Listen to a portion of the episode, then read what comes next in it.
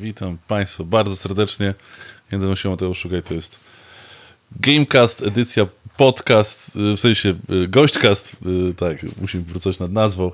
Um, nagrywamy, ja jestem u siebie w, w studiu w naszym Galaktusie pięknym, a z nami dzisiaj jest Greg Grzesiu, Grzegorz, Greg. Ja w sumie nawet nie nigdy nie spytałem, czy ty jesteś Greg, czy ty jesteś Grzesiu, czy jesteś Grzegorz, czy faktycznie jesteś Greg, Greg. Przyzwyczajenie mówią Greg, bo przez lata pracowałem, studiowałem za granicą i wiesz co, Grzegorz dla większości osób za granicą byłoby zbyt wielkim e, galimatiasem, więc wszyscy przyzwyczaili się do Greg.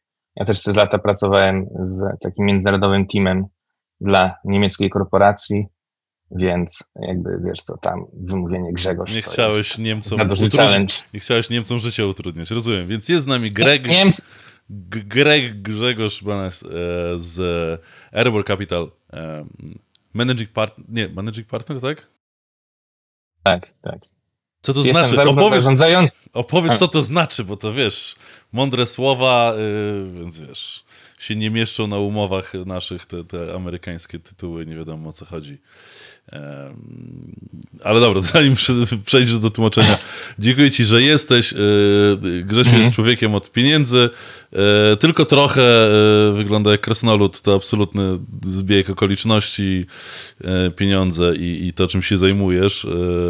Ale faktycznie jest mega fajnym kolesiem, który mm, bardzo rozsądnie i luźno mówi o pieniądzach, więc mi się też przyjemnie słucha tego, jak opowiadasz o pieniądzach, bo wydaje się to proste i nie trąci. Yy, nie, nie, nie, trąci giełdą w sensie yy, garniturami i, yy, i, tym, że tam trzeba robić cyferki i tak dalej. W sensie brzmi to naturalnie, ta, tak, jak, tak jak pieniądze w game devie powinny brzmieć. Yy, więc dziękuję Ci, że jesteś. Bardzo fajnie, że udało się Ciebie zobaczyć. Dzięki za zaproszenie. Yy, powiedz mi, skąd jesteś, skąd przybywasz, albo czekaj, zacznijmy historię. Może tak, ja bym chciał na pewno o pieniądzach porozmawiać. Ja y, przez dłuższy czas w programie, w, w tych moich edycjach e, gościnnych e, rozmawiam raczej z ludźmi trochę bardziej robiącymi biznes wokół gier albo w grach, czy to jako publisherzy, czy jako marketingowcy, czy bizdevi. E, więc raczej skupiałem się na tych właśnie biznesowym aspekcie robienia gier, a nie stricte deweloperce czy tym, jak zostać game developerem. Raczej mnie interesują w tym troszeczkę pieniądze i, i jaki to jest e, proces mm, i, i, na ile nam się to wszystkim kalkuluje.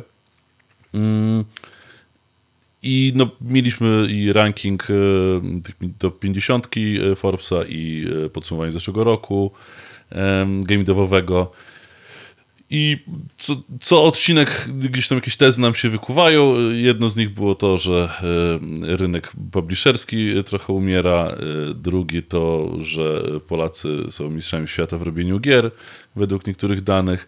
Mm, e, Gamescom jako taki trochę, trochę to potwierdził, a trochę mm, pokazał, że pomimo wszystkiego, pomimo naszych polskich problemów, rynek growy, ten globalny sobie całkiem nieźle radzi e, i, i było widać trochę rozgrzanie tego rynku na Gamescomie, przynajmniej takie emocjonalne, bo jakby cyferkowe to inna kwestia. Ale przy ostatnich gdzieś tam wydarzeniach, e, przy e, ostatniej premierze, przy jednej z największej od nastu pewnie miesięcy, jeśli chodzi o, o giełdę polską game devową, no to, no to nowości od CDP-u chyba jednym z największych e, wydarzeń takich game devowych e, w perspektywie ostatnich kilku, kilkunastu miesięcy. No i na giełdzie to no, miały jakieś tam e, odbicie i, i, i, o tym sobie bym chciał, żebyśmy porozmawiali. No ale pytanie, czy polska giełda game devowa, czy ona się rozwija, czy jest troszeczkę już zbyt trudnym miejscem dla niektórych deweloperów, tak? Bo po drodze mieliśmy kilka nieudanych e, emisji, czy, czy prób nawet wejścia, które nie, nie doszły do skutku na giełdę. E, I pieniądze są oczywiście trudnym e, tematem w tworzeniu gier, zwłaszcza na globalnym rynku, którego jesteśmy częścią, ale jednocześnie momentami wydaje się trochę odpryskiem, tak jak rozmawiałem z zagranicznymi partnerami, klientami, no to dla nich Polska tam, no, no, tam sobie jest jako rynek. No tak, no fajnie, że macie CEDEP i, i dużo się gier u was robi, ale jako, jako taki, tak naprawdę jako rynek to Polska tam tak, nie jesteśmy aż takim poważnym rynkiem dla, dla, dla firm z Francji, tak? Nikt we Francji, nikt w Stanach nie siedzi i nie myśli, no co tam ci Polacy znowu wymyślą, nie? Ale mam świetne studio y, z Polski, no. Byli tam ludzie, z, z, co robili Wiedźmina, ale, ale to tyle, nie? I... Ja powiem ci, że ja bym tak Polaków może nie, nie dismisował od razu. Ponieważ... Ja, to jest to, co ja słyszałem. Mamy... Jakby Francuzi myślą o Francuzach i myślą o Ameryce. Niemcy myślą o Niemcach i o Ameryce. No o Anglikach nawet nie, nie będę wspominał, nie?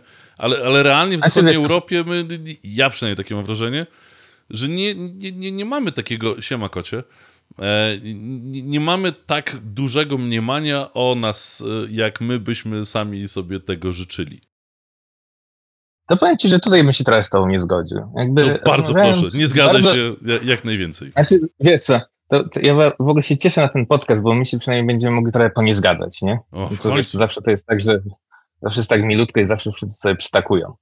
Więc tutaj bym się, jakby rozmawiając, czy to z wydawcami, czy z inwestorami z różnych części świata, mm, polski talent jest dostrzegany. Jednak widać te gry. Jak wiesz co, jak na przykład jeździłem do Hiszpanii, a, gdzie byliśmy zapraszani na jakieś eventy i Hiszpanów pytałem, jakie są najbardziej znane hiszpańskie gry, na jakiś przykład, nie?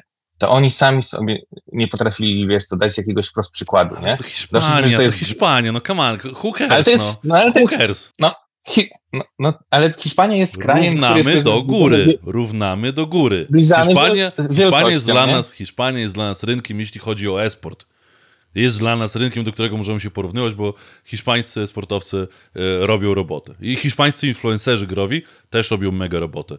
Hiszpański game dev nie robi roboty tak samo jak włoski, więc się nie porównujmy do rynków, które no, nie są w tej samej e, szufladce co my. Tak? Ja nas porównuję ja, do zachodniej Europy. Dużo... Nie? Hmm? Znaczy w Hiszpanii dużo osób pracuje w e, game devie, natomiast jakby rynek jest zdecydowanie mniej niezależny. Tam jak chcesz pracować w game devie, to tak naprawdę pracujesz dla Work for Hire. Nie? Tam są duzi wydawcy, którzy po prostu dają ci zlecenie, masz budżet, masz jakiś margin na tym i jedziesz, nie? Jakby tam możesz zapomnieć zupełnie o robieniu gier własnych.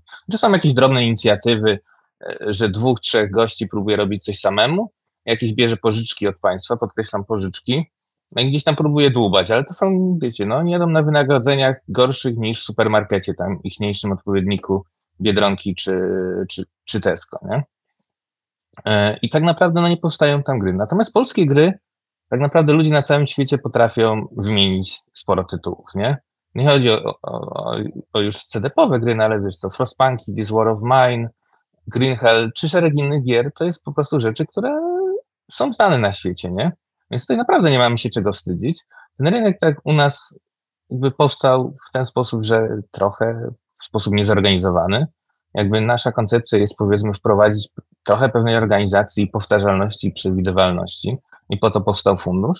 Natomiast w Polsce jakby ten rynek dzięki temu talentowi, bo tego nie można odmawiać. My jesteśmy dobrzy w grach pecetowych, konsolowych, nie? Mobilkowych jest kilka firm, które robią dobre pieniądze, no ale jednak polskie mobilkowe gry to nie są gry, które powiedzmy cały świat wspomina. Mm, natomiast w grach właśnie takich premium, takich e, robionych właśnie na, na PC-ty, konsole, no to Polska jednak jest rozpoznawalna. I to rozróżnijmy dwie rzeczy, no bo ja zawsze myślę o tym, mm, o tym biznesie w dwóch warstwach, tak? Warstwa produktu i warstwa rynku, powiedzmy, kapitałowego czy finansowania. Jeśli chodzi o, o, gry, to w produkcji jesteśmy bardzo mocni, natomiast jako rynek, no jesteśmy niewielkim krajem, nie? No, jesteśmy którymś tam krajem wielkości, no jakby nie przeskoczymy tego, że mamy te 37 milionów e, osób, czy no, obywateli, nie? I, I, nie będziemy tak wielkim rynkiem jak kraje, które mają tych mieszkańców więcej. Więc tutaj oczywiście, że Polska jako nabywcy nie są największym krajem, jesteśmy też krajem najbogatszym. Natomiast w kwestii produkcyjnej jednak Polska ma swego rodzaju renomę, więc tutaj chciałbym to w sumie podkreślić, że ja wierzę w lokalny talent, bo potrafił to już udowodnić wielokrotnie. I szczerze, jak się mówi, że wiesz co, polskie zespoły pracujące przy takich czy takich tytułach, to jest to rozpoznawalne, więc nie jest to nie ma co tutaj, wiesz co, jakoś y, szczególnie pokutnej tutaj worka ubierać, tylko trzeba rozsądnie pochodzić, oczywiście bez jakiejś hiperbolizacji, że już jesteśmy, wiesz co, mesjaszami całego świata game devu, natomiast trzeba z dość dużą dozą realizmu i pewności podchodzić, tak, potrafimy w Polsce robić dobre gry. Okej, okay. dziękuję ci za to, bo y, ja miałem inne wrażenie. Mm, nie wiem, może za dużo rozmawiałem z Niemcami lub Francuzami, ale, ale miałem raczej y, podejście takie, że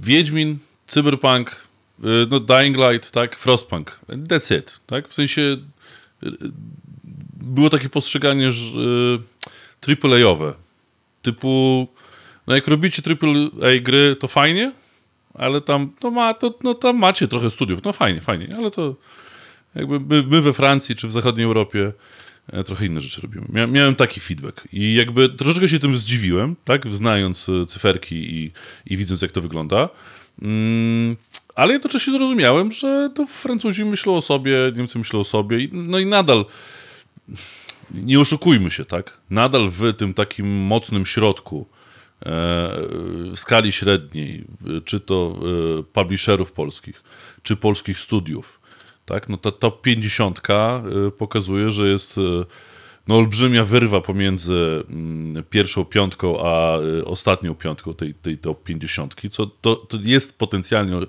mega oczywiste.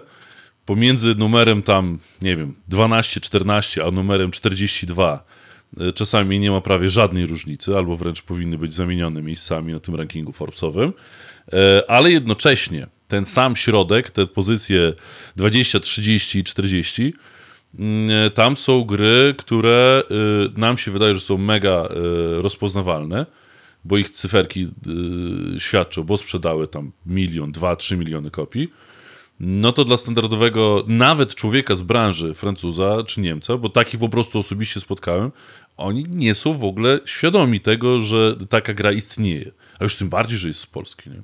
Więc te nasze sukcesy średniej skali, one są, tak? Trzeba je absolutnie doceniać. E, tylko, tylko, że to są sukcesy y, dla globalnego odbiorcy, który myśli, wiesz, w skali tam Ubisoft albo or e, to jest tylko jakiś tam, gdzieś tam giereczka jakaś tam, nie? E, I znaczy, wiesz, ja tego nie mówię, dla, trochę... żeby jakby umniejszyć, e, umniejszyć, umniejszyć osiągnięć kogokolwiek. Raczej, żeby sobie nałożyć realność tego, że, e, że jeszcze sporo przed nami do zrobienia. Nie? Jakby trochę też o tym chciałem porozmawiać w perspektywie takiej inwestycyjnej, tak? bo, bo strzelam, że pewnie paru inwestorom te, te, te parę milionów, czy, czy Ghost Runnera, czy Green Hella, czy Medieval Dynasty trochę przesłania oczy, że, że tak, to są rzeczy do zrobienia, tak? bo to są raz rzeczy mega trudne do zrobienia, a dwa, że one tak naprawdę nie, nie, nie gwarantują y, takiego globalnego sukcesu, bo ten sukces trzeba potem znaczy, powtórzyć, a jednocześnie na całym zachodzie, tak jak mówię, tak, jakbym się, przeszedł po ulicy i spytał y, francuskich graczy, czy znają Green Hella, no to no niekoniecznie.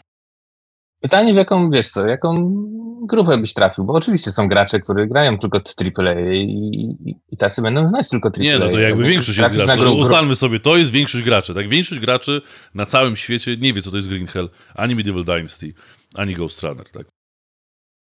No, ale powiem ci tak, jakby Francuzi są bardzo specyficzni, musisz się trochę wyrwać, bo dla Francuzów jakby niezależnie od branży, to jest tylko Francja i Francja, to nawet wiesz, to jak ich cokolwiek zapytasz po angielsku, to często jeszcze ci po francusku będą chcieli odpowiadać, więc to już jest, wiesz, to jakby specyfika sama w sobie i tam duma. Natomiast, wiesz co, poza jakimiś tam Ubisoftami, to, to nie ma aż tak, wiesz co, jakbyś chciał bardzo patrzeć, jakie na przykład niemieckie gry są super znane, nie? Albo francuskie poza, wiesz co, wydawaniem czy produkcją przez Ubisoft. To nie jest tak, że to jest, są jakieś super e, wyjątkowe miejsca, nie? Mm. I też Euro musisz spojrzeć tak naprawdę... i tak dalej. No i ogólnie cały. No, Cały rynek, tak, tak. znaczy duża część rynku tego takiego mobilkowo-przeglądarkowego tak ma e, swoje korzenie w Niemczech i to, że tam to się tak długo przetrwało i przekształciło z rynku przeglądarkowego do, na rynek mobilny. No i widzisz, tu, tu, tu mamy też takie jakby pewną specyfikę różnych krajów, nie? No jakbyś pojechał do Turcji, tam w ogóle nie ma gier pecetowych, konsolowych, nie? No to w mobilkach radzą sobie całkiem nieźle. Ja, jak tam rozmawiałem z ludźmi, są jakieś studia, które próbują się przerzucić na, na, na, na, na PC-owe gry. No i pokazywali mi jakieś prototypy. To jest coś, co wiesz, co, to w Polsce to na Game Jamie parę student, paru studentów robi lepsze rzeczy, nie? Także wiesz, taki symulator gościa, który jeździ na rowerze i próbuje roz, rozwozić paczki, nie? to jest jakby etap rozwoju. Więc musimy jakby realnie patrzeć na silne i słabe strony, tak? Musimy patrzeć, co nam wychodzi, jaki rozmiar gier, jakie budżety i, i, i, i co ma sens, nie?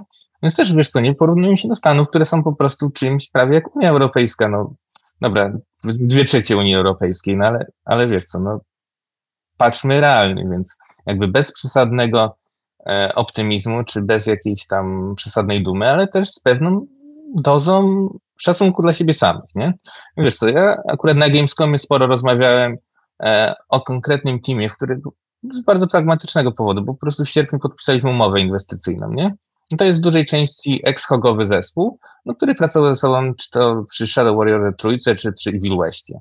I to są gry, które ludzie rozpoznają, wiesz co, jak rozmawiają z wydawcami, to oni wiedzą o co chodzi, wiedzą tak i wiesz co, jak później po rozmowie ze mną chcą, wiesz co, żeby tego deka, którego zobaczyli dostać, to znaczy, że te tytuły robią robotę, tak? Sprzedały się, może nie są to, wiesz co, multimilionowe, ale solidnie zrobione gry, e, które sprzedały się na pewnym poziomie, który, który jest zauważalny, nie?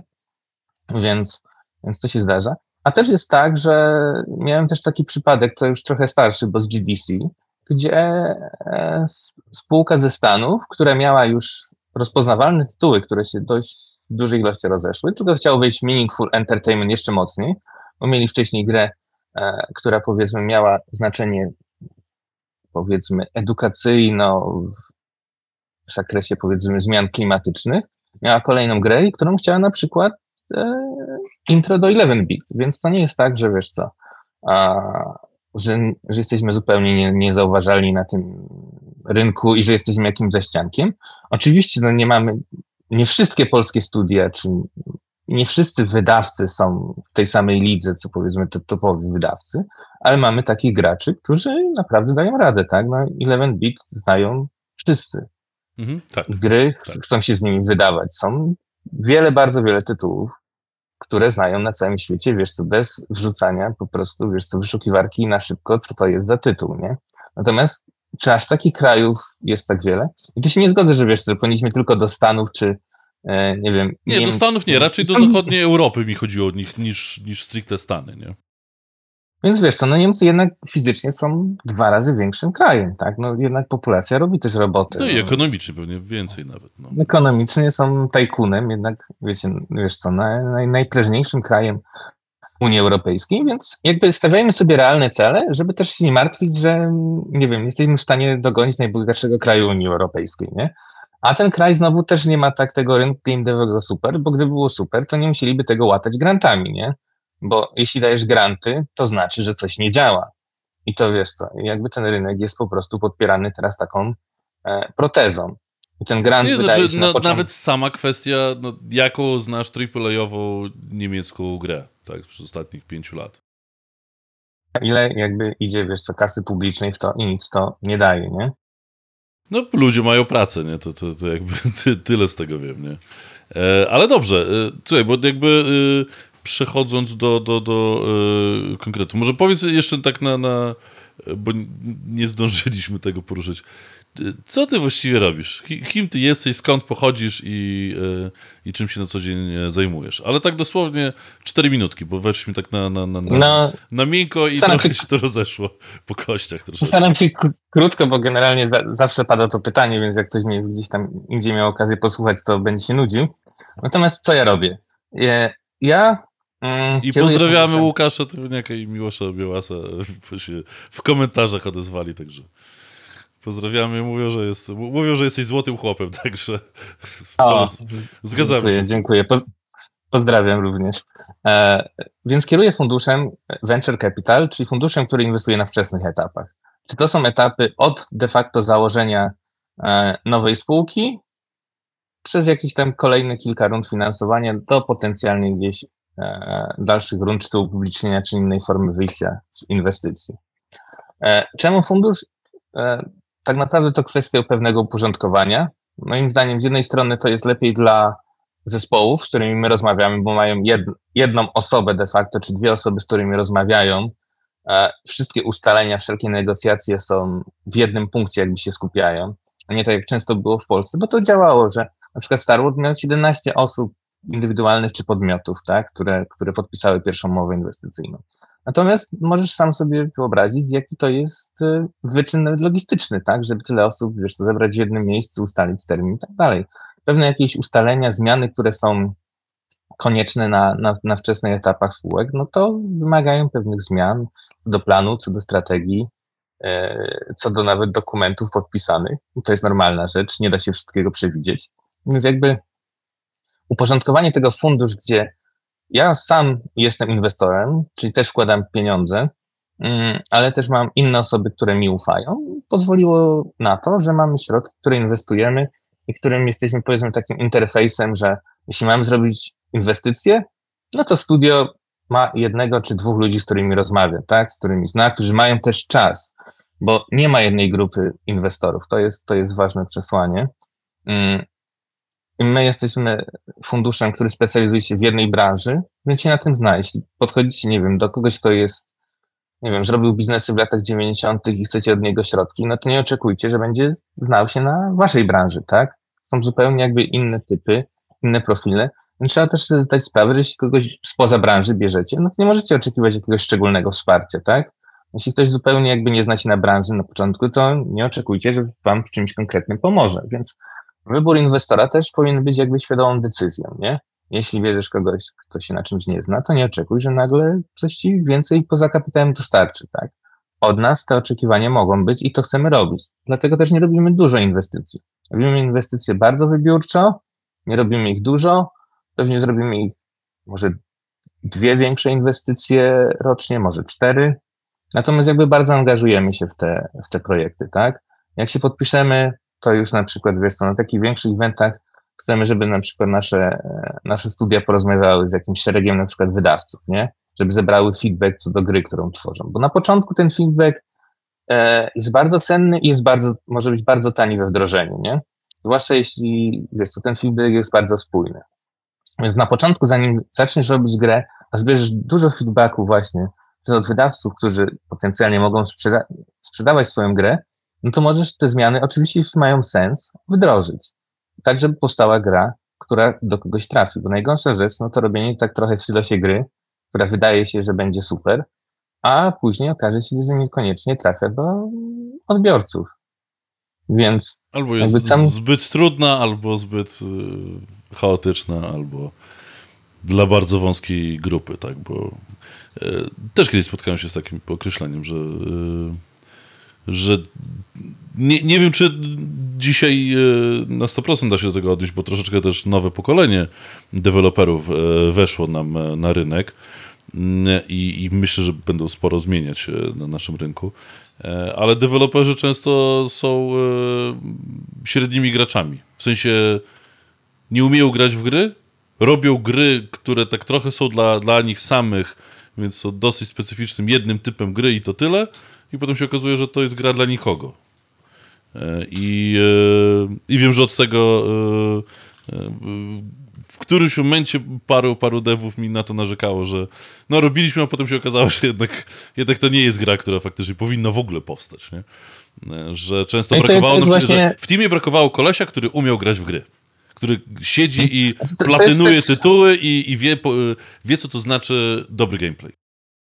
Znaczy, inaczej, jakby dobry gameplay to jest swoje, swoją drogą, więc tutaj też ważne jest jakby doświadczenie na przykład, wiesz co, no jeśli masz team, który robił gry gameplay heavy, to jak nagle się przerzuci na narrację, no to może mieć problem. I w drugą stronę, tak? Jak masz gości, którzy jednak opierali się, czy robili gry, które są mocne fabularnie, a niekoniecznie gameplayowo, bo ten gameplay był powiedzmy drugorzędny, no to tu jest spore wyzwanie, nie? Natomiast kwestia jest taka, jaki ja widzę często błąd, że ta gra jest właśnie dopiero pokazywana, jak ona jest w jakimś tam stopniu gotowości. Że, że, jest takie trochę przekonanie, że zróbmy grę i nie wiem, pół roku przed wydaniem zacznijmy ją marketingować.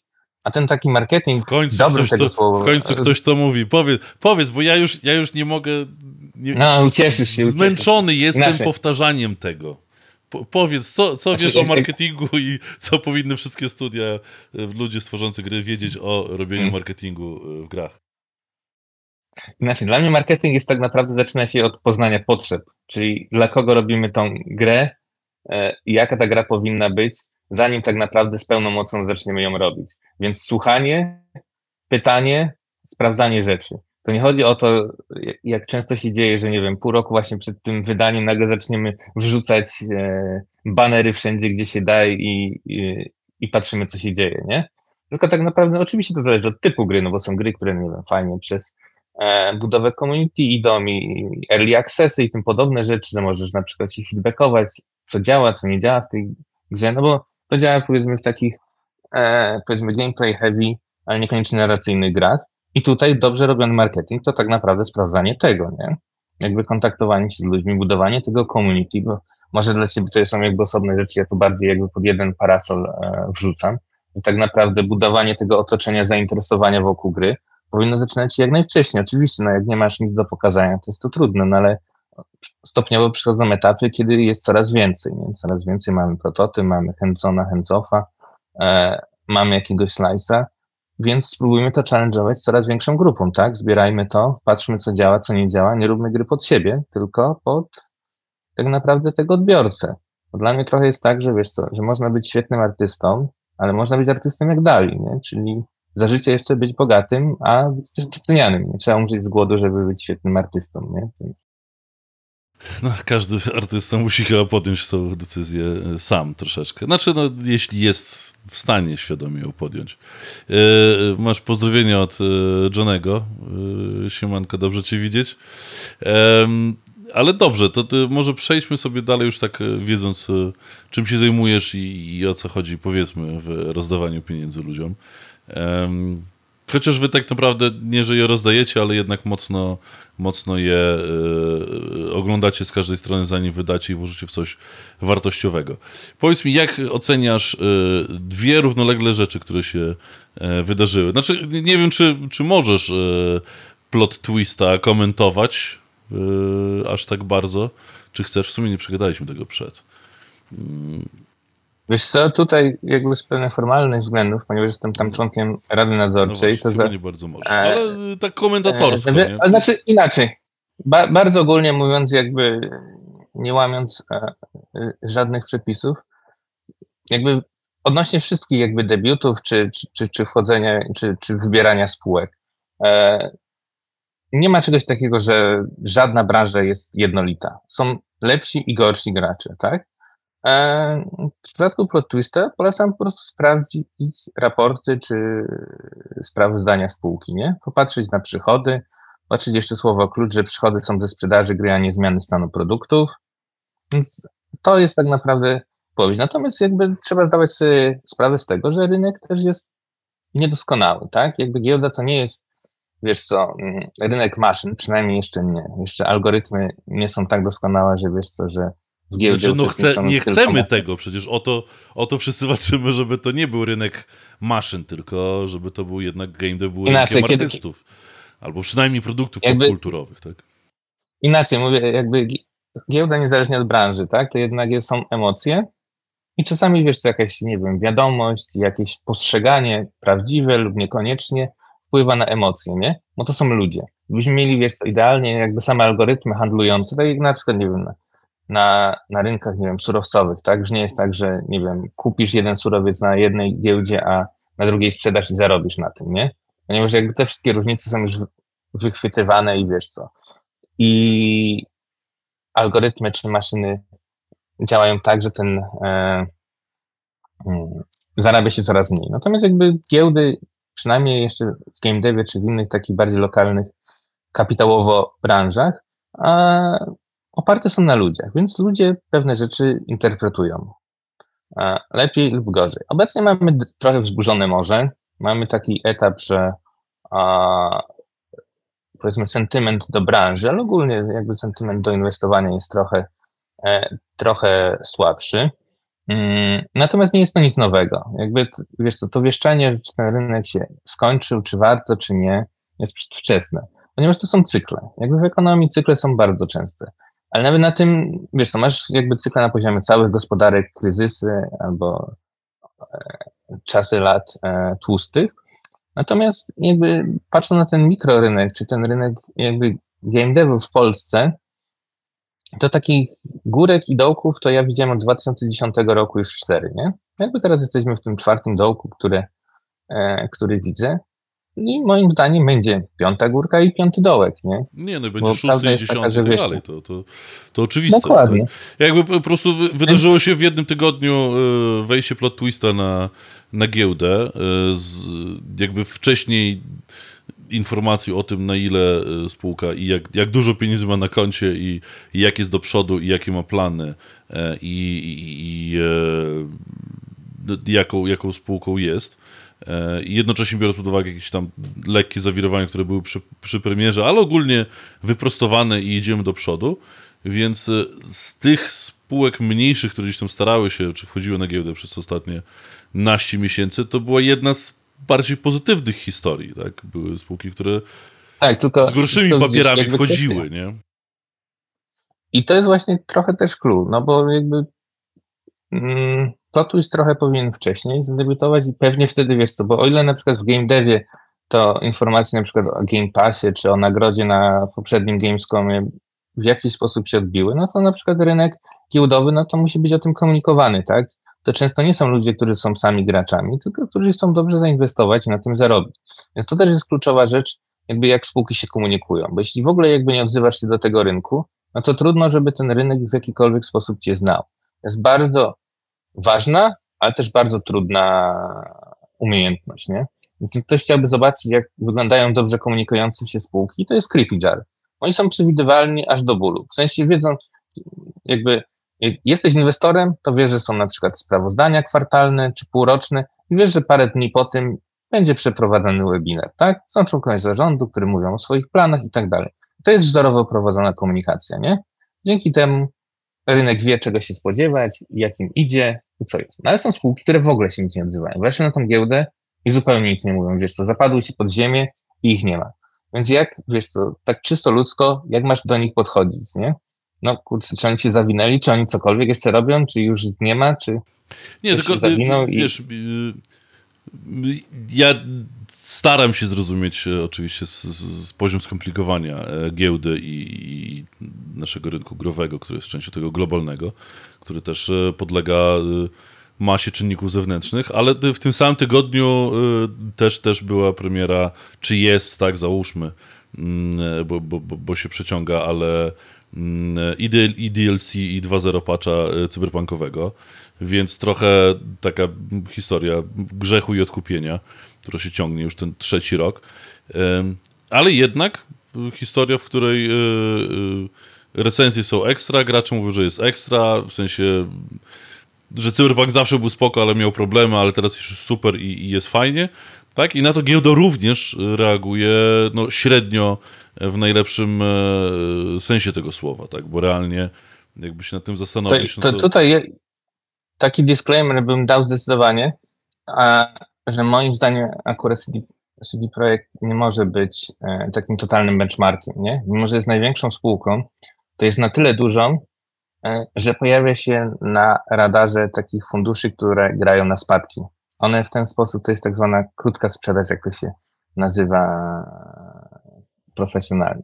Więc to są podmioty, które liczą, że coś spadnie, jakby pożyczają od kogoś jego akcje, wrzucają je w rynek licząc właśnie, że ten ich ruch e, spowoduje spadek, później odkupią je taniej i w ten sposób, wiesz co, zarobią, czyli oddają komuś tyle samo akcji, które liczą, że swoim ruchem doprowadzą do spadnięcia, oczywiście płacą temu, który im pożycza akcję, jakąś opłatę za to, za to wypożyczenie, nie? Niestety w związku z tym, że ten rynek giełdowy trochę się spłycił, na przykład przez e, zmniejszenie OFE na rzecz e, ZUS-u, no to niestety trochę jest tak, że w przypadku właśnie CD Projektu to jest na tyle duża spółka, że opłaca się to robić, a rynek jest na tyle płytki czy nieduży przez to osłabienie tego, bo jeszcze lata temu na przykład polska giełda mogła wykupić giełdę w Tel Awiwie, nie? Teraz raczej jakby przez, przez pewne polityczne ruchy, mm, no jest to nierealne już na tym etapie. No, też pamiętajmy, że Tel Awiw, że Tel Awiw jest e, no, krajem startupów technologicznych, wojskowych per se, więc jakby to trochę także w perspektywie działań politycznych i wojny i tak dalej, to, to mm, jest, jest mega miejsce na biznes, tak? Niestety, ale, ale stety są w tym liderami, znaczy, tak? To... Więc jakby ciężko, ciężko mieć się trochę porównywać do tych pieniędzy, to... które Izrael plus USA i jakby pakowanie pieniędzy, które jest politycznym, jest to jakby nie, też nie, nie, nie do końca. Ale powiem ci tak, wtedy też był, natomiast jakby to, to pokazuje, jak duża była polska giełda, że realnym planem było wykupienie tego, tak? Wtedy też był, to jakby wiesz, im się nie zmieniło. Natomiast ważne może też pod kątem jakby tego, co działa, jest to, że tym Startup Nation to Izraelczycy nazwali się sami i powtarzali to tak długo, aż inni zaczęli to chwytać. Więc czasami warto być trochę jakby tej pewności siebie wykazywać, oczywiście w jakiś sposób uzasadnionej, e, bo też jest ważne. No wiesz, jak podchodzisz z pochyloną głową do kogoś, to, to, to od razu go jakby w pewien sposób e, e, nastawiasz, nie? Izraelczycy tak naprawdę są dobrzy w sprzedaży, dobrzy w PR-owaniu sami siebie, więc oni sami wymyślili sobie tą nazwę, wypromowali się tak, wiesz, to nie jest duży kraj, znowu tam jest ich 8 milionów, też. Nie wszyscy jakby pracują w technologiach, więc, e, więc tak naprawdę tych ludzi w technologiach tak wielu nie jest, natomiast potrafią się świetnie świetnie pierować. Natomiast jakby wracając... No mają łatwe wejście do amerykańskiego rynku, nie? Więc jakby my nigdy nie będziemy mieli tego tak łatwo, taki w perspektywie i, i takich personalnych połączeń biznesowych pomiędzy oboma krajami, czy, czy gdzieś tam po, powiązań wręcz e, narodowościowych, tak? Bo, bo to chyba od zawsze akurat e, Żydzi, czy Amerykańscy, czy, czy Żydzi, ci izraelscy powtarzają o, o jakimś tam braterstwie pomiędzy dwoma narodami. Mm, e, a już absolutnie połączenia gdzieś tam biznesowo-korporacyjne, e, zwłaszcza w tej sferze e, militarnej, no to, to nie jest coś na gdzie, gdzie my, my nawet obok tego nie leżymy, tak? To nie jest ta sama relacja, więc jakby ciężko to absolutnie porównywać, nie? A, no jest specyficzne, jakby mają specyficzną sytuację, bo, bo też mają bardzo dużą motywację akurat, żeby skupić się na, na tym, a nie innym obszarze, no ale jakby specyficznych sytuacji jest wiele, bo polska giełda też jest pewnym unikatem na skalę światową. Jakby giełd, które mają tak dużo game spółek są właściwie można powiedzieć na tą skalę trzy. Tokio, Warszawa i Sztokholm. Więc to są jakby kraje, w których e, w szczególności Szwecja jest bardzo podobna do Polski, bo tam możesz mieć niezależne studia, które e, właśnie dzięki istnieniu rynku giełdowego są w stanie pozyskiwać finansowanie. Bo jedną rzecz, która powinna wybrzmieć i którą powinniśmy chyba wytłumaczyć, że ta giełda tak nie bierze się z niczego. Jakby nie jest tak, że ona jest jakby na początku. Tak naprawdę w Polsce ta giełda służy do tego, że jest pewnym etapem rozwoju spółki, bo inwestowanie nie polega na tym, żeby dać pieniądze i zostać w tej spółce na zawsze. Tak naprawdę inwestowanie to jest danie paliwa na tą podróż, tak? Że masz dobry zespół, masz dobrego kapitana, który tym statkiem dowodzi, ale potrzebuje zatowarować ten statek i dopłynąć z nim z miejsca A do B, tak? Powinien mieć dobry plan, ale wiadomo, żeby ten plan zrealizować, potrzeba zasobów. Natomiast e, e, no, nie chodzi o to, żeby w tej spółce zostać na zawsze. Tak naprawdę no, inwestowanie na wczesnych etapach venture capital, w którym ja działam, to jest, jakby się cofnąć 600 lat do tyłu, to jest e, średniowieczna Wenecja, gdzie tak naprawdę kupcy, wyposażali statki, i zamiast jakby każdy z nich mógłby wysłać jeden statek, no ale jakby on nie dopłynął przez piratów czy przez sztormy, no to by byli bankrutami, to zaczęli się skupiać jakby swego rodzaju grupy i wysyłali na przykład 10 10 statków. Jeśli jeden statek dopłynął, to już byli przynajmniej na zero albo na małym plusiku, nie? Jeśli drugi z tych 10 dopłynął, już zarabiali i tak dalej, nie? Więc jakby inwestowanie polega na tym, że potrzebujesz kogoś, kto komu warto zaufać, że zrealizuje plan, a ten plan powinien być też jakby dający szansę na zwrot tej inwestycji, nie?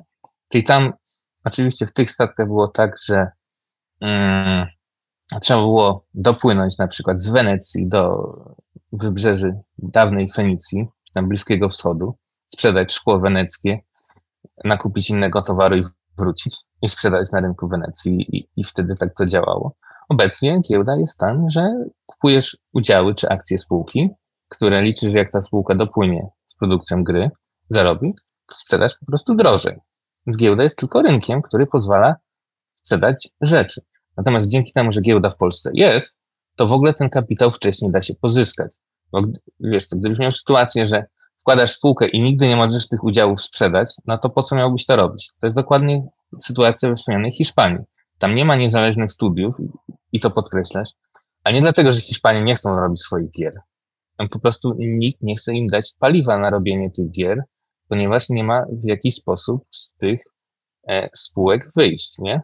Więc giełda jest pewnym etapem, nie powinien być za wcześnie, w sensie nie to, że, nie wiem, otwierasz studio i twoja pierwsza emisja jest od razu pod giełdę i tak dalej, bo trzeba pewne rzeczy poukładać, też trzeba, e, wiesz co, no z produkcją gier jest pewna krzywa ryzyka, nie?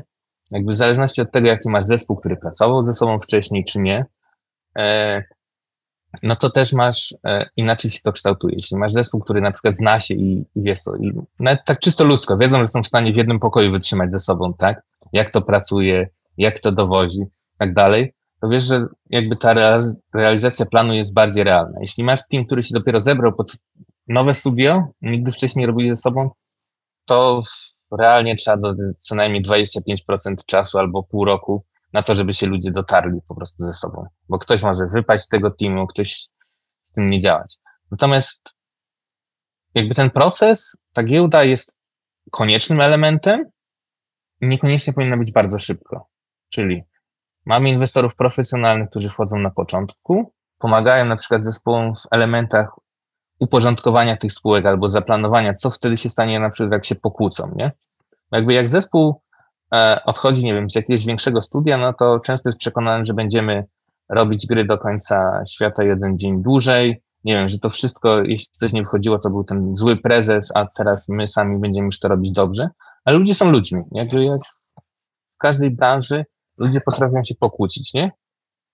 No i ludzie się najbardziej kłócą, gdy sytuacje są najbardziej ekstremalne. Czyli jak albo bardzo nie ma pieniędzy, albo jak bardzo są bo wtedy jakby nie skupiałem się, w pierwszej sytuacji skupiałem się na szukaniu winnych, w drugiej każdy walczy często jak najwięcej dla siebie, nie? Bo ja robiłem aż tyle, a ty robiłeś mniej, ja więcej włożyłem do tego projektu. Więc ważne jest uporządkowanie tego. Jakby po, poukładanie tego, że w razie czego, jeśli się pokłócimy, to jest jakaś, jakiś mechanizm, który to rozwiąże, nie? Że nie rozwalimy całej firmy, e, że przez to, że nie jesteśmy w stanie się dogadać, to nie wiem, nasz zespół pójdzie na bruk z dnia na dzień, no bo nie jesteśmy w stanie kontynuować. Więc istotne jest właśnie pewne poukładanie. Na początku wziąć na przykład inwestorów profesjonalnych, później stopniowo jakby można tych inwestorów, którzy są mniej, powiedzmy, branżowo zaangażowani, gdzieś tam dopiero jakby ta giełda na, na pewnym etapie. Natomiast jakby giełda daje możliwość exitu. I to niekoniecznie exitu takich drobnych polskich inwestorów, ale jakbyś spojrzał e, na przykład na raport takiego wielkiego norweskiego funduszu emerytalnego, on, to są goście, którzy inwestują kasę e, z wydobycia ropy naftowej, która się kiedyś skończy, dla przyszłych pokoleń Norwegów. I oni ma, robią rzeczy bardzo przejrzyście. I oczywiście to jest ogromny fundusz, który działa na całym świecie, który ma chyba z 10 tysięcy inwestycji, ale wśród tych 10 tysięcy inwestycji jest chyba 6 czy 8 polskich publicznych spółek growych. I takie fundusze, które inwestują globalnie, one w swojej polityce inwestycyjnej mają tylko spółki publiczne. Więc jeśli chcesz mieć możliwość do wyjścia do takich podmiotów, no to giełda jest jedynym jakby scenariuszem, nie?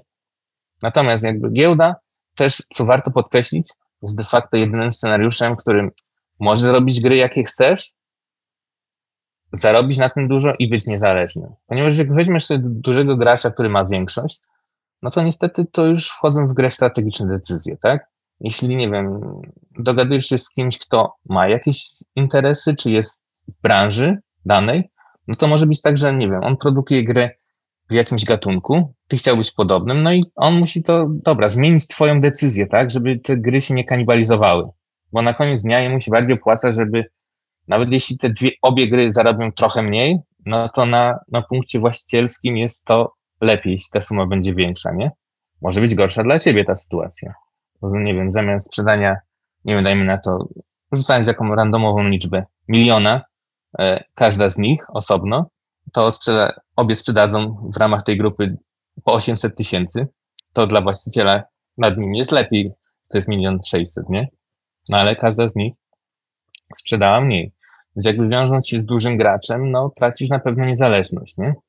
Giełda czy inwestorzy finansowi daje to niezależny, no bo wiesz co, jak ktoś zarządza funduszem emerytalnym, bo to są jakby fundusze, które wchodzą na dalszych etapach, one chcą mniejszego zagrożenia, mniejszego ryzyka, też nie, nie mają takich większych e, oczekiwań co do, co do zwrotu, tak? Ma, mają spółki rosnąć, ale już w takim mniej, mniejszym tempie.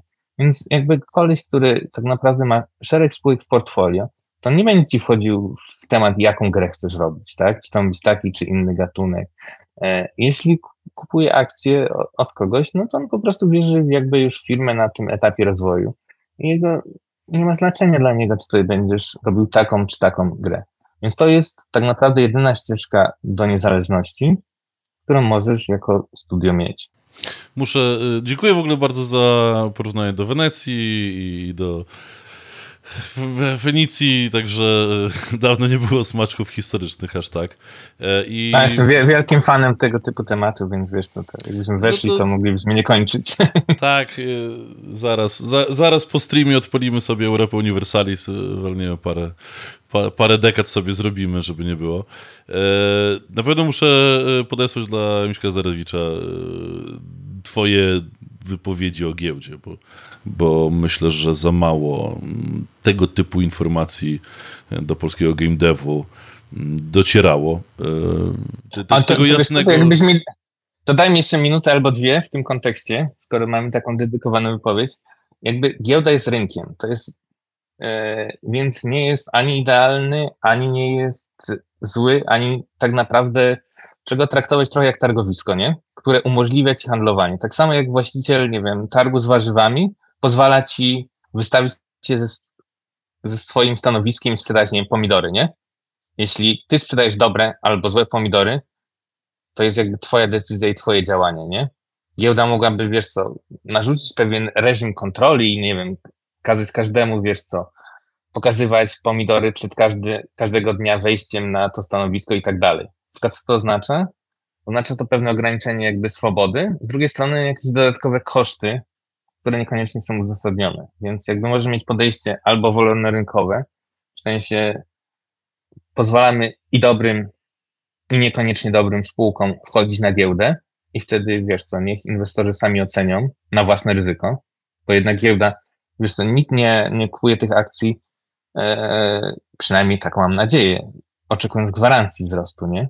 Tak naprawdę każdy powinien odrabiać swoją pracę domową, więc albo mam podejście, że giełda podchodzi super rygorystycznie i wiesz co, no i urzędnicy oceniają każdą spółkę czy każdą partię pomidorów, co no niekoniecznie musi być super, albo mamy wolność i wtedy mamy, każdy musi, wiesz co, wybierać, czyli ty sam możesz, musisz podejść do jednego i drugiego sprzedającego, popatrzeć na te pomidory, albo patrzeć na tą spółkę i zobaczyć, czy wierzysz, że to są dobre pomidory, czy dobra spółka, albo nie. Nie musisz kupować jakby. Giełda też nie, nie nakazuje kupowania akcji. Możesz nigdy nie kupić żadnej, jak ci się żadna nie podoba, nie? Wiesz, bo teraz może już troszeczkę ten stereotyp giełdy e, game devowej czy w game devie się zmienił. Mm, ale przez parę ładnych lat e, mieliśmy chyba dosyć głęboką dyskusję w tym, czy giełda jest dobra, albo jak dobra, to dla kogo. I sporo, sporo twórców e, jakby się od to nawet nie jest, że y, trochę nie wiedzieli tylko coś, tylko de facto był hejt na giełdę. Tak to sobie ustawiam, znaczy, tak? Jeszcze był. dzisiaj jest troszeczkę lżej, ale to ostatnie parę lat, no to jak, jak wrzuciłeś gdzieś na jakimś forum y, y, game devowym polskim, czy na Face, czy gdziekolwiek info o giełdzie, no to czasami potrafiło się tam jazda taka hardkorowa zrobić w komentarzach, gdzie, gdzie, gdzie, gdzie poważni ludzie z poważnych studiów e, mówili, że nie giełda to ścierwo, tak, albo że tam dotacje unijne to, to, to zło, albo coś tam, tak, I jakby... Mm... To widzisz, każdy ma różne opinie, akurat też nie jestem fanem dotacji unijnych, więc no, Natomiast okay, jakby, no, wiesz, no, gie... wiesz, znaczy, giełda, nie, wiesz, giełda, jest, giełda jest narzędziem tylko, nie? Jakby giełda jest tą perspektywą, która pozwala ci na pozyskiwanie finansowania wcześniej, tak? Jak chcesz jakby pozyskać finansowanie, to jest jakby element, tylko giełda nie jest ani dobra, ani zła. Jakby to od ciebie zależy. To jest, giełda jest narzędziem jak nóż, nie? Możesz zrobić sobie kanapkę albo pyszną kolację, możesz kogoś dziabnąć z tym nożem, nie? jeśli wszystko bardzo wiele zależy od twojej etyki, nie? Bo możesz naobiecywać też bardzo wiele, nawet rzeczy, które wiesz, że nie spełnisz i, i tak bywało, albo możesz być, wiesz co, fair i wtedy, no, wiesz co, ludzie też często rozliczają z obietnic, tak? Jak za łatwo rzuca się obietnicę, no to niech ktoś sobie, nie wiem, zapisze, że obiecywałeś takie, a nie inne rzeczy, nie? Jeśli one były nierealne, no to jest pytanie, czemu składałeś? Mogłeś nie składać. Jeśli ktoś cię namówił do tego, no to też jest twój problem, że go posłuchałeś, nie? Jakby to też jest pewna nauczka, że mówcie tylko o tym, co jest realne, bo jakby to nie chodzi o to, i w ogóle dla mnie to jest trochę abstrakcyjna jakby sytuacja, kiedy, nie wiem, te rządy spółek starają się komentować, że kurs rośnie czy spada, nie? Nie, powinniście się skupić na swojej dobrej robocie. Niech rynek ocenia, czy to jest warte więcej, e, czy mniej. Natomiast jakby to nie jest wasz codzienna, codzienna praca, tak? Często jest też tak, że, że współwłaściciele czy założyciele nie mogą tak sprzedawać sobie po prostu od tak tych akcji, bo są tak zwane lockupy, czyli ograniczenia w zbywaniu. Więc skupcie się na robieniu dobrego produktu. Jak ten produkt będzie dobry, e, no masz przykład właśnie już, już do znalezienia czy to Creepy Jara, bo to jest trochę starsza spółka, więc łatwiej mówić. No tam e, założyciele zbywali te akcje. Można sobie łatwo policzyć, że stali się milionerami dzięki temu, nie? Natomiast dalej mają, jakby robią gry, które chcą. Nikt im nie narzuca, jak Chimera ma wyglądać w ten czy inny sposób.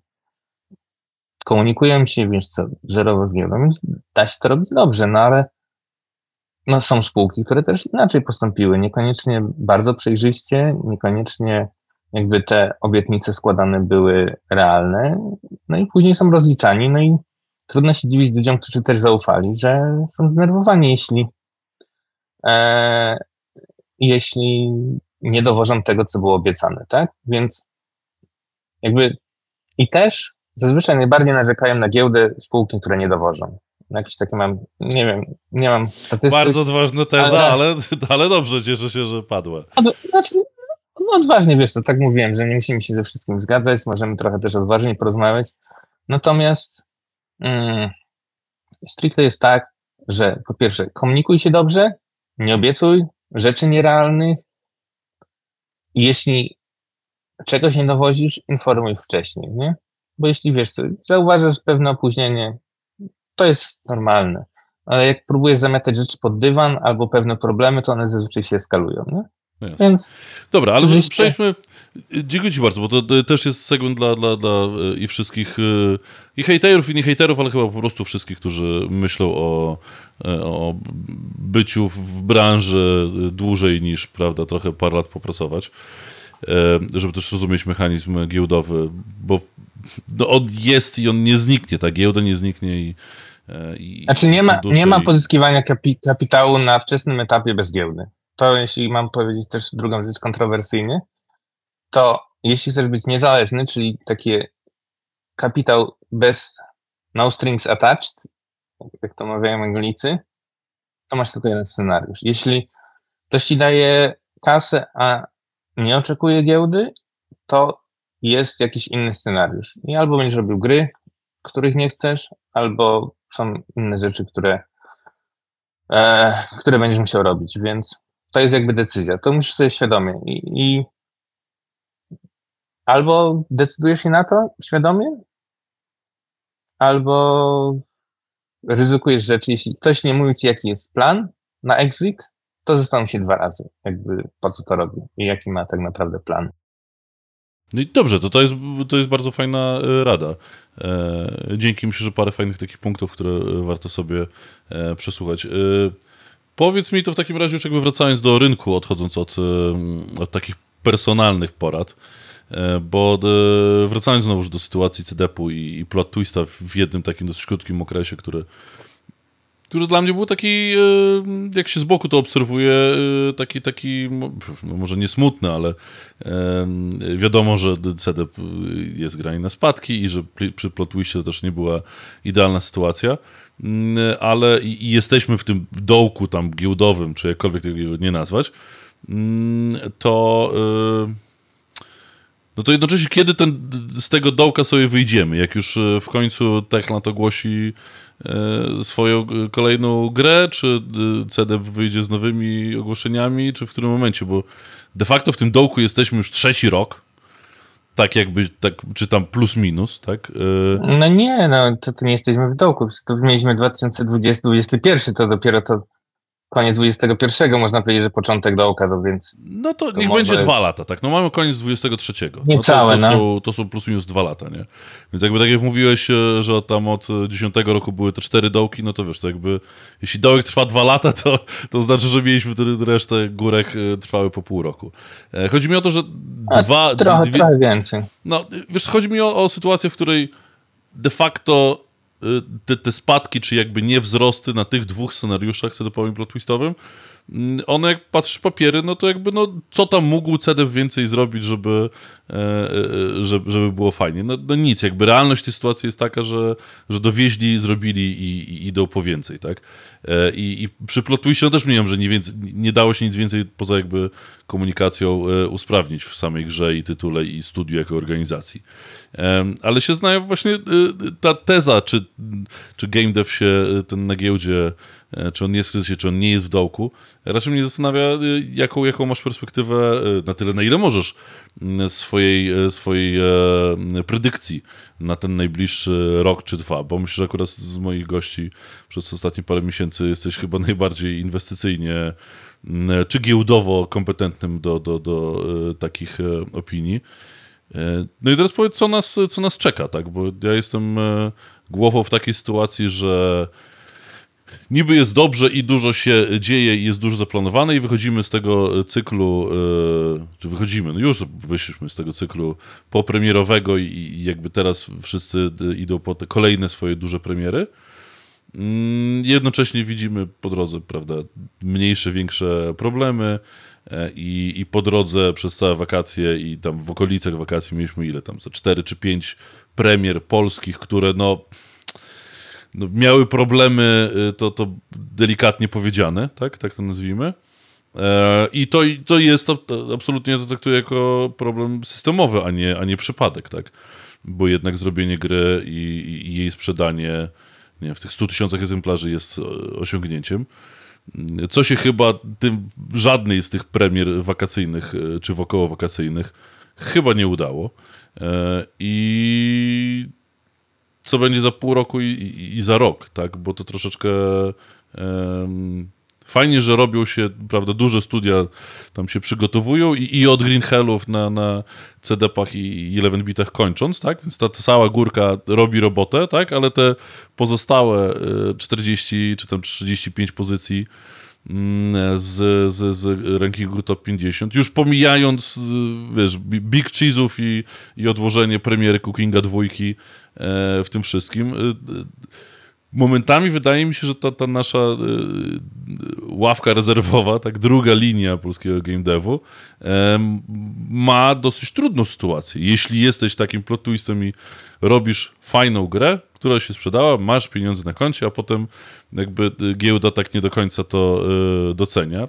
Pomijając, że na ile to jest y, tylko jeden krótki okresik, tak, ale się zastanawiam, czy te najbliższe y, pół roku do półtorej roku Mm, będzie łaskawe dla, dla, dla, dla tej naszej drugiej ligi, tak to nazwijmy, tak? Czy, czy, czy ławki rezerwowej mm, polskiego game devu. Inaczej, mówiąc jakby bardziej szeroko niż tylko jakby giełdowo w tym kontekście, jakby dobre projekty zawsze znajdą finansowanie. To jest trudny czas dla projektów średnich i tragiczny dla słabych. Jakby o ile mogły pozyskiwać finansowanie w okresie tej hossy covidowej, to teraz tylko najlepsi pozyskają finansowanie. Natomiast jakby co do tego, wiesz co, tych kursów i tak dalej, ja bym się tym zupełnie nie skupiał, nie? Jakby ważne jest, czy spółka robi produkt, który zarabia. Czy ten kurs wynosi dzisiaj tyle, a za dwa miesiące tyle, to jest rzecz, jak jej pracę ocenia rynek, nie? Więc spółki, które robią produkty i na nich zarabiają, dla nich jest to powiedzmy okres, no, który trwa. I, I też zauważ jedną rzecz, że jakby różnicą jest to, czy robisz, czy spółka robi jakąś emisję, czyli pozyskuje finansowanie dla siebie na jakieś swoje projekty, bo na przykład chce, nie wiem, robić kolejny projekt, który jest większy, czy mówimy o handlu właśnie jakby już istniejącymi akcjami, gdzie środki idą od kupującego do sprzedającego, a nie do spółki. Nie? Więc okres jest, był gorszy, jest trochę lepiej, jeszcze nie jest to najlepszy okres. Natomiast jeśli robisz gry, skup się na robieniu gier, tak? Jakby nie skupiaj się, żeby ten kurs wyglądał lepiej niż, niż jest. Bo rynek może jest w pewnym stopniu emocjonalny, ale też jest racjonalny. Jeśli będziesz dobrze robił swoją robotę, niekoniecznie na przykład przez publikowanie jakby rzeczy, które nie do końca mają sens, na przykład nadużywanie narzędzi raportowania do publikowania rzeczy, które nie mają sensu, e, to rynek to doceni. I jakby kurs ma znaczenie tak naprawdę tylko w momencie, kiedy chcesz sprzedawać swoje akcje jako założyciel, czy jako jakby część e, teamu, który na przykład był wynagradzany nie tylko pensją, ale akcjami, nie? Mm. I to wtedy tak naprawdę ma znaczenie. Jaki jest kurs w momencie, kiedy nie sprzedajesz, to jest rzecz drugorzędna. Więc kluczowe jest robienie dobrej roboty, robienie gier, które ludzie chcą kupować skupienie się na tym, a giełda jest de facto trochę refleksją tego, co robisz jako ten, jako ktoś prowadzący biznes. No bo prowadzenie studia to jest robienie biznesu. Jeśli dobrze to robisz, zostanie to docenione. Nie musisz tego sztucznie w żaden sposób pochować. Jaki jest kurs w krótkim okresie? Się zmienia. To jest, wiesz co, jakiś news odebrany lepiej lub gorzej e, może to zmienić. Natomiast jakby liczy się długofalowy trend, robienie dobrej roboty, sprzedawanie gier, które ludzie chcą kupować. Okej, okay. dobrze. Co się wydarzy y, za półtor- w perspektywie półtorej roku? Poza tym, że mali będą mieli trudniej e, i trzeba robić dobrze Niekoniecznie... robotę. Niekoniecznie mali, bo wiesz co, dobrzy mali będą mieli dobrze, bo oni pozyskają finansowanie Pięk... i będą robili gry. Piękna opinia, mali dobrze. No, kontynuuj, kontynuuj. No, ale... Ja wiem, że to jest tak proste, ja wiem, że to jest tak proste, ja to rozumiem. Znaczy to nie jest proste, no bo spółki, które powiedzmy no, nie dowiozły jakby rzeczy, no to będą miały trudniej znowu w drugą stronę, tak? Jakby nie ma teraz takiego powiedzmy naiwnego kapitału, który wiesz co, na, na, na prezentację rzuci rzeczy i, i że ta gra, nie wiem, robiona przez 10 osób sprzeda się jak Diablo 4, nie? No. Jakby znaczy, już no, takich prezentacji w tym... Już, ja nie wiem, czy ktoś tak aż, aż, aż, idzie w to, nie? No bo tak naprawdę... Były, były, widziałem takie przypadki. A, widziałeś, okej, okay, dobra. No, niekoniecznie dla mnie bezpośrednio, ale ktoś mnie, nie wiem, na przykład z inwestorów jakby takich, których znam, ale nie, nie działają w tej branży, pytali mnie o opinię, tak? Widziałem na przykład, że nie wiem, przychody spółki to jest cena gry razy ilość kopii, nie? Jakby wiesz co, bez żadnej prowizji Steama, bez żadnego dealu z publisherem, bez żadnego, wiesz co, nie wiem, płatów za silnik, czy jakichś tam podatków, bez żadnych, nie wiem, obniżek na festiwalach i tak dalej, nie? Więc tak zdarzają się, więc to nie jest tak, że jakby ktokolwiek jakby, czy to z inwestorów, czy, czy ze studiów jest jakby nie wiem, idealny, tak? Zdarzają się pojedyncze przypadki, które są lepsze lub gorsze. Tak samo z inwestorami powinieneś wybierać, z którymi chcesz działać. Tak samo ze studiami. Więc tak, zdarzają się przypadki oversellingu, które powiedzmy w gorszych czasach mają bardzo trudno, bo jeśli robisz overselling wcześniej i go nie dowiozłeś, no to teraz będzie bardzo, bardzo trudno. Okej. Okay. E, to, to, już mieliśmy y, jakąś poradę i info dla deweloperów, troszeczkę dla E, dla, dla, dla e, no, właścicieli studiów powiedzmy, tak? I, I, tego, jaka może być predykcja taka długoterminowa.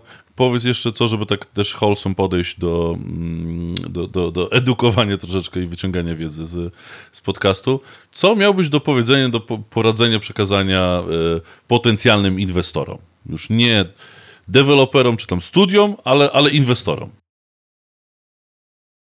To tak naprawdę bardzo mocno oglądajcie każdą propozycję inwestycyjną.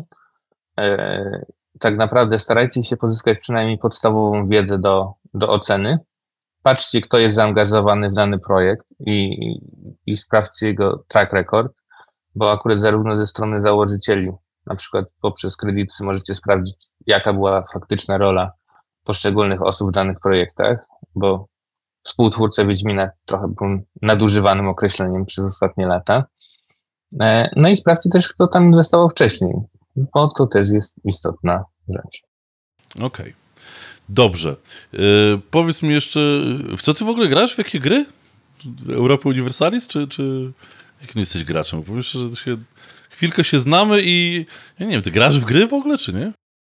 No oczywiście, że gram. Teraz po prostu, wiesz co, zarywam nocki, żeby wciskać, wiesz co, pomiędzy pracę Baldursa trójkę, którego już mam natłuczone ze 120 godzin, a dalej jestem w akcie drugim. Przynajmniej nie, nie w pierwszym w tym momencie, nie?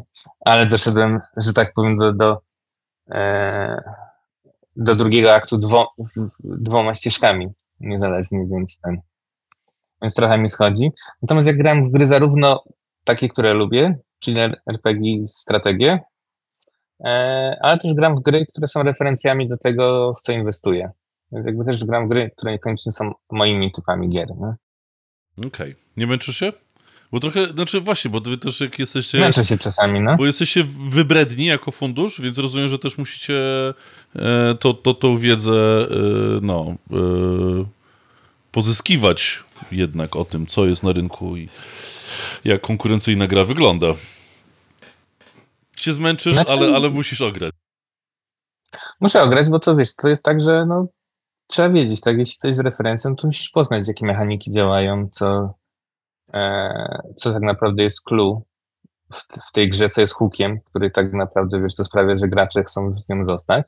Natomiast też ja nie mam problemu z pozyskaniem wiedzy od innych osób, które też, wiesz, co, mi challenge'ować, ten build tak naprawdę, wiesz, co ma potencjał e, na posiadanie na przykład, nie wiem, podobnych mechanik, jak, jak wiadomo, że, te buildy, które my widzimy, no to są na bardzo wczesnych etapach, tak? To są grey czy, czy white boxy i tak naprawdę, wiesz co, nie wyglądają jak finalne gry, więc e, ja nie mam problemu z pytaniem, sprawdzaniem rzeczy z innymi, e, więc tak naprawdę no to, to jest jakby oglądanie wielu przypadków, nie?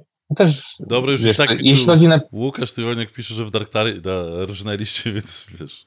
A, tak. Te, też, te, też się zdarzało, ale tam głównie właśnie ze względu na to, że wiesz co, że akurat koopowe rzeczy lubię, także kiedy polski Dark Knight, no. Właśnie, jest jakaś e, dobra y, koopowa strzelanka teraz? Polska? Deadlink w sumie trochę tam koopa wprowadził, tak? Z tego, co mi się kojarzy. Wprowadził? Wcześniej, czy, wcześniej była singlowa, ale... Czy multi w sensie. Ale nie wiem. No. no to nie, nie, nie to wiem, samo. Trzeba by no. zapytać Artura Perecie, to może nam ten... Dobrze, powiedz mi jeszcze na sam koniec temat, który też bardzo lubię, mm, bo, bo, bo, no bo to też temat marketingowy, w którym się obracamy na co dzień w Galactusie. I marketingu, o którym trochę wspomniałeś, y, jak w ogóle widzisz i oceniasz y, mm, obecny stan, ale też jakby przyszłość, perspektywę e, polskich, e, polskich publisherów, mm, bo co dla mnie ciekawym tematem, tak do, do, do pooglądania, e, bo, bo, bo widzę, ile trzeba, wiem, ile w, trzeba w to włożyć zaangażowania. Różne deki dostajemy też pod, pod, pod, pod publishing, więc wiem, jakie to są pieniądze. I na sobie trakuję rzeczy, które gdzieś tam do nas spływały, wiesz, w roku 20 i 21, i potem widzę, jakoś się sprzedają i, i na ile to jest hardkorowy biznes, nie? W sensie wyda tworzenie gier wydaje się mega proste w porównaniu do tego, że y, jesteś publisherem i chcesz na tym zarobić pieniądze, nie? Um, zwłaszcza jeśli nie jesteś no, zagranicznym, zachodnim publisherem, nie? I, I słyszałem o tym, że to też z Gamescomu y, info, że, że publisherzy mają globalnie e, problemy, że jakby rynek w, w tej perspektywie się trochę skomplikował Mm, gdzie w tym wszystkim są polscy publisherzy?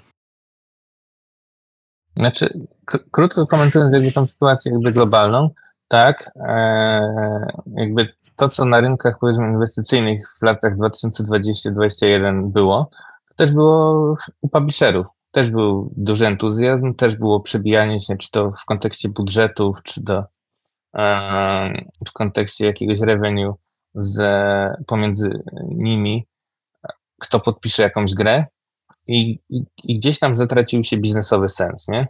Więc jakby w tym momencie rezultat jest taki, że sporo kasy zostało straconej, e, sporo gier albo sprzedało się słabo, albo w ogóle nie zostało dowiezionych, bo były podpisywane bez jakiegoś głębszego sprawdzenia zespołów, które za nimi stoją, więc kasy u publisherów jest mniej globalnie, tak? Więc jakby jest duże rozwarstwienie. Są publisherzy, którzy działają na mniejszych tytułach, takich do maksymalnie budżet projektu, nie, nie mówiąc o, o, ich wkładzie ewentualnym w produkcję, ale jakby wielkość projektu do 3 milionów dolarów, euro, publisherzy występują. Później jest luka tak naprawdę aż do, do jakichś większych projektów, nie? W sensie powyżej 7-8 milionów, natomiast tam już jest zauważam trochę taki trend, że przy większych projektach to oni chcą mieć to bardziej in-house'owo, żeby mieć większy wpływ, żeby nie dawać dużej kasy na zewnątrz, gdzie ktoś może nie dowieść i no i ta kasa przepadnie. Co do polskich publisherów, no to mamy bardzo fajne przykłady, które się rozwijają jak bici. E, mamy przykłady self-publishingu i próby właśnie pójścia w wydawanie samemu, jak na przykład Far From Home. E, natomiast polscy publisherzy poza, e, poza bitami chyba raczej tak średnio. Więc tam mieliśmy przykłady różne. Mm, I o ile właśnie jestem bardzo pewien polskiego talentu w produkcji gier, to, to właśnie poza wspomnianymi bitami no, nie do końca jestem pewien polskiego publishingu. Jakby mieliśmy wiele prób, ale to nie jest tylko polski trend, bo nawet e, znajomi Szwedzi żartowali, że u nich jest tak, że że mają e, więcej lwów, w sensie publisherów niż e, antylop, czyli produkujących gry, więc mają więcej wydawców niż producentów. Trochę jakby e, odwróciło, wiesz co, jakby logikę biznesową, no bo jednak jeden wydawca może wydawać kilka gier, jak sobie to odpowiednio jakby porozkłada na okienka. Natomiast e, moim zdaniem clue jest na dobrej produkcji gier i wybieraniu bardzo cherry picking wydawcy, który ma gry w podobnym obszarze, który zmarketować potrafi do, do, do tych swoich grup. Są fajni wydawcy, którzy nie dają w ogóle na produkcję, jak na przykład Hooded Horse, ale mają bardzo mocną niszę, w której się specjalizują. Jeśli masz grę jakby z ich obszaru, to warto iść. Mm, natomiast jakby sam fakt pochodzenia z tego czy innego kraju wydawcy niekoniecznie, bo tak mówię, nie sprzedajemy w Polsce na Polskę, nie? Tak jakby te czasy się skończyły dawno, dawno temu, więc e, wydawanie może się wydawać proste, że tylko trochę pochodzić, trochę tego, trochę banerków w odpowiednie miejsce, ale niekoniecznie tak jest. Jednak musisz mieć tą grupę, musisz, musi ona żyć, e, musisz w stanie do niej dotrzeć, przekonać. Jeśli masz tą grupę mocno zbudowaną, masz ogromne aktywo, natomiast jeśli dopiero próbujesz wchodzić w ten rynek, to może być bardzo, bardzo ciężko. Okej, okay, czyli całą resztę w miarę spoko, ale, ale dla publisherów nie mamy zbyt dobrych e, wiadomości. Ale okej, okay, dobrze. E, słuchaj, trochę żeśmy się rozgadali, ale bardzo cieszę się, że udało się e, poruszyć sporo ważnych tematów. Mm, za chwilę pewnie się będziemy widzieć na PGA. Ty masz tam jakiś panel, czy nie? Mm. Tym razem nie masz? E, nie, nie mam. Dlaczego? To nic nie, to nic nie wysłałem. Taki był. Zapomniało się. Troszeczkę się zapomniało, dobrze, no. rozumiem. Ale, ale, ale będę dostępny w kuluarach, wiesz, staram się mieć konsekwentny imidż, wiesz, to łysy z brodą, ale przynajmniej nasze kaszki, żeby się wyróżnić, więc jak coś, to zapraszam do pogadania. Tak, więc zapraszałem wszystkich do znalezienia Grega na PGA, na którym za tydzień będziemy, więc... Um no zobaczymy, jak tam, jak tam będzie wyglądać e, ta nasza polska branża. Pomimo, że chyba aż tak dużo indyków nie będzie, tak jak w porównaniu do poprzednich lat, coś mi się wydaje. Mm, ale jednocześnie zobaczymy, mm, jak, jak event wraca do swoich e, wcześniejszych rozmiarów, taką przynajmniej mam nadzieję. Jeszcze raz Ci dziękuję za mm, poopowiadanie o pieniążkach i tym, jak po prostu być dobrym deweloperem, bo to chyba faktycznie była bardziej historia o tym, że trzeba robić dobre gry i być, e, być, być rozsądnym, szczerym i uczciwym człowiekiem w biznesie, e, a, a pieniądze są w tym wszystkim drugorzędne, więc chyba myślę, że to jest najważniejsze. Znaczy wiesz co, jakby to wszystko jest ważne, ale trzeba robić po prostu wiesz co, rzeczy dobrze i też postępować etycznie. Natomiast co do, co do PGA, czy Game Industry Conference, to akurat z takich e, może zachęcających do odwiedzenia, właśnie myślących o, o, o założeniu swojego studia, to tam właśnie Wonder Legend Studio, to taka nasza pierwsza jakby rozmowa, zaczynająca relację, no to właśnie odbyła się na jednym z afterparty właśnie na, na Gicu. Także jak najbardziej to może być dobry początek drogi. Jest dla wszystkich słuchających młodych devów e, e, z ambicjami i planami na przyszłość, albo nawet nie planami, ale żeby tylko być, zobaczyć i posłuchać. Zapraszamy serdecznie. I, no i myślę, że też chyba będzie widać na Gicu w tym roku tak w pełnej skali, myślę, też te nowe pokolenie, najmłodsze deweloperów, tych 20 ledwo coś tam latków, e, którzy mam nadzieję mm, no, są przyszłością naszej branży, y, y, dla których ty będziesz mógł dawać pieniądze, a ja dawać marketingi i wszystko będzie fajnie. Dziękuję ci jeszcze raz y, bardzo za mądre słowa. E, Dzięki wielkie. Powodzonka we wszystkich przedsięwzięciach. E, pozdrów koty i, i kinie i się hmm, widzimy dobrze. w Poznaniu w takim razie. Dobrze, super. Dzięki za zaproszenie jeszcze raz. Trzymajcie się wszyscy, do zobaczenia. Hej, hej.